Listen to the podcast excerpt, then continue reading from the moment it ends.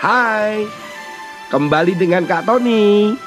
Kita akan membedah, membuka, belajar tentang kitab Amsal yang ditulis oleh Raja Salomo agar kita mendapatkan hikmat pengetahuan dalam menjalani kehidupan ini.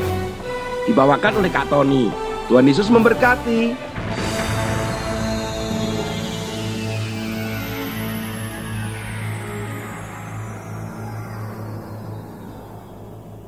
Anak-anak, kalian pernah dengar tentang olahraga tinju?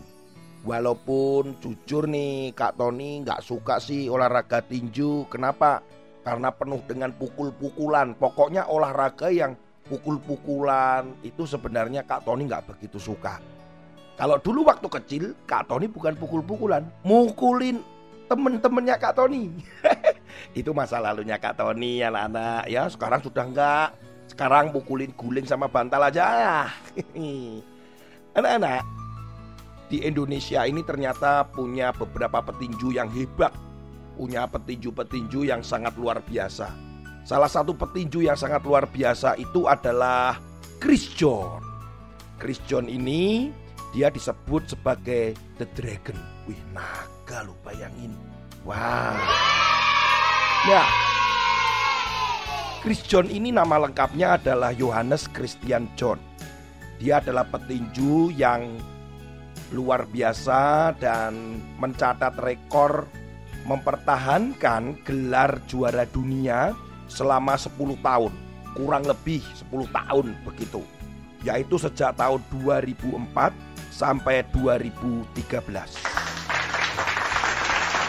Rekornya dia tidak pernah kalah kecuali pada pertandingan terakhir tahun 2013 di bulan Desember. Itu memupuskan Chris John untuk menyamai rekor Rocky Marciano. Bayangkan di dalam pertandingannya dia selama bertanding tinju secara profesional 52 kali dia bertinju. 48 kali menang, di antaranya 22 itu dipukul KO. Bayangkan, weh. Nah, begitu. Nah, tiga kali seri atau draw. Dan pertandingan terakhir dia kalah. Bagi kita mungkin sedih. Bagi Chris John juga sedih. Kenapa? Karena dia dikalahkan oleh petinju dari Afrika bernama Fed YK.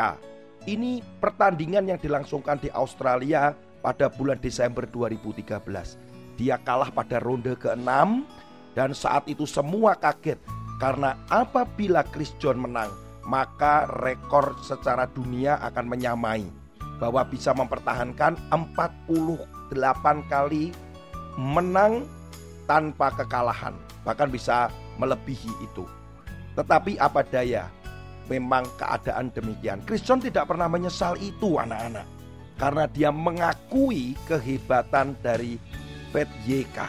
Dia mengakui dengan dengan kondisi keadaan di dalam dirinya bahwa mulai ada penurunan secara fisiknya, usianya. Dalam sebuah wawancara bahkan Chris John mengatakan demikian. Dia memang lebih bagus dari saya. Saya memang kalah. Saya mengakui dia lebih baik dari saya. Setelah beberapa saat kemudian Chris John mengundurkan diri dari dunia tinju. Anak-anak, Chris John dengan gentlenya, dengan sangat jujurnya mengakui kehebatan lawannya. Dia mengakui lawannya lebih kuat, lebih lebih hebat karena dia tahu bahwa dia memang mulai lemah atau mulai berkurang dari kecepatan menghindar dan memukulnya. Anak-anak, kalian tahu nggak bahwa kita ini juga harus mengakui kehebatan Tuhan, mengakui kuasanya Tuhan, mengakui kekudusannya Tuhan. Kita harus mengakui itu. Berarti kalau kita mengakui itu artinya kita memang kita tidak seperti Tuhan. Kita tidak bisa seperti Tuhan. Kita kekuatan kita, kemampuan kita nggak seperti Tuhan. Firman Tuhan dikatakan di dalam Amsal pasal yang ketiga ayat yang keenam.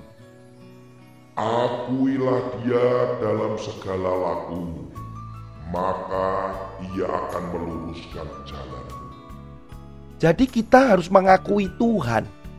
Bentuk dari pengakuan kedahsyatan, kehebatan, kekuatan Tuhan itu bagaimana Kak Tony? Caranya adalah bagaimana kamu setiap hari bisa berdoa sebelum memulai sesuatu, melakukan sesuatu. Kalian berdoa dong. Walaupun mungkin sebentar, tetapi tunjukkan bahwa kita ini nggak bisa hidup tanpa Tuhan. Dan ketika kita mengakui Tuhan dalam segala apa yang kalian kerjakan waktu ujian, waktu kalian makan, waktu apa pun, di situ Tuhan akan bekerja. Menolong kita. Firman Tuhan tadi dikatakan, ia akan meluruskan jalanmu, akan membantu kita. Kalau seandainya jalan kita salah, kita sedang berbuat dosa, atau kita sedang dalam ancaman bahaya, Tuhan bisa mengingatkan kita.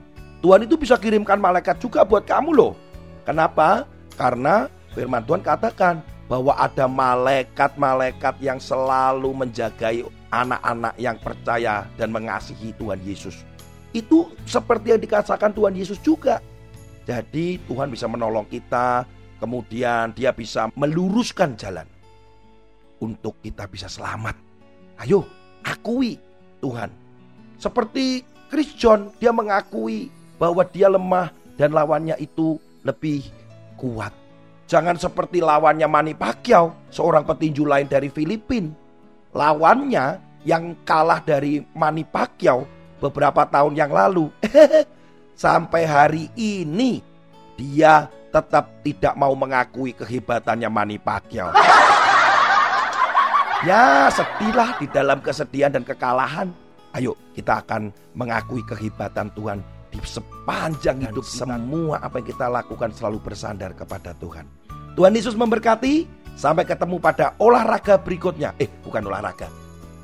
Berjumpa pada renungan berikutnya. Haleluya.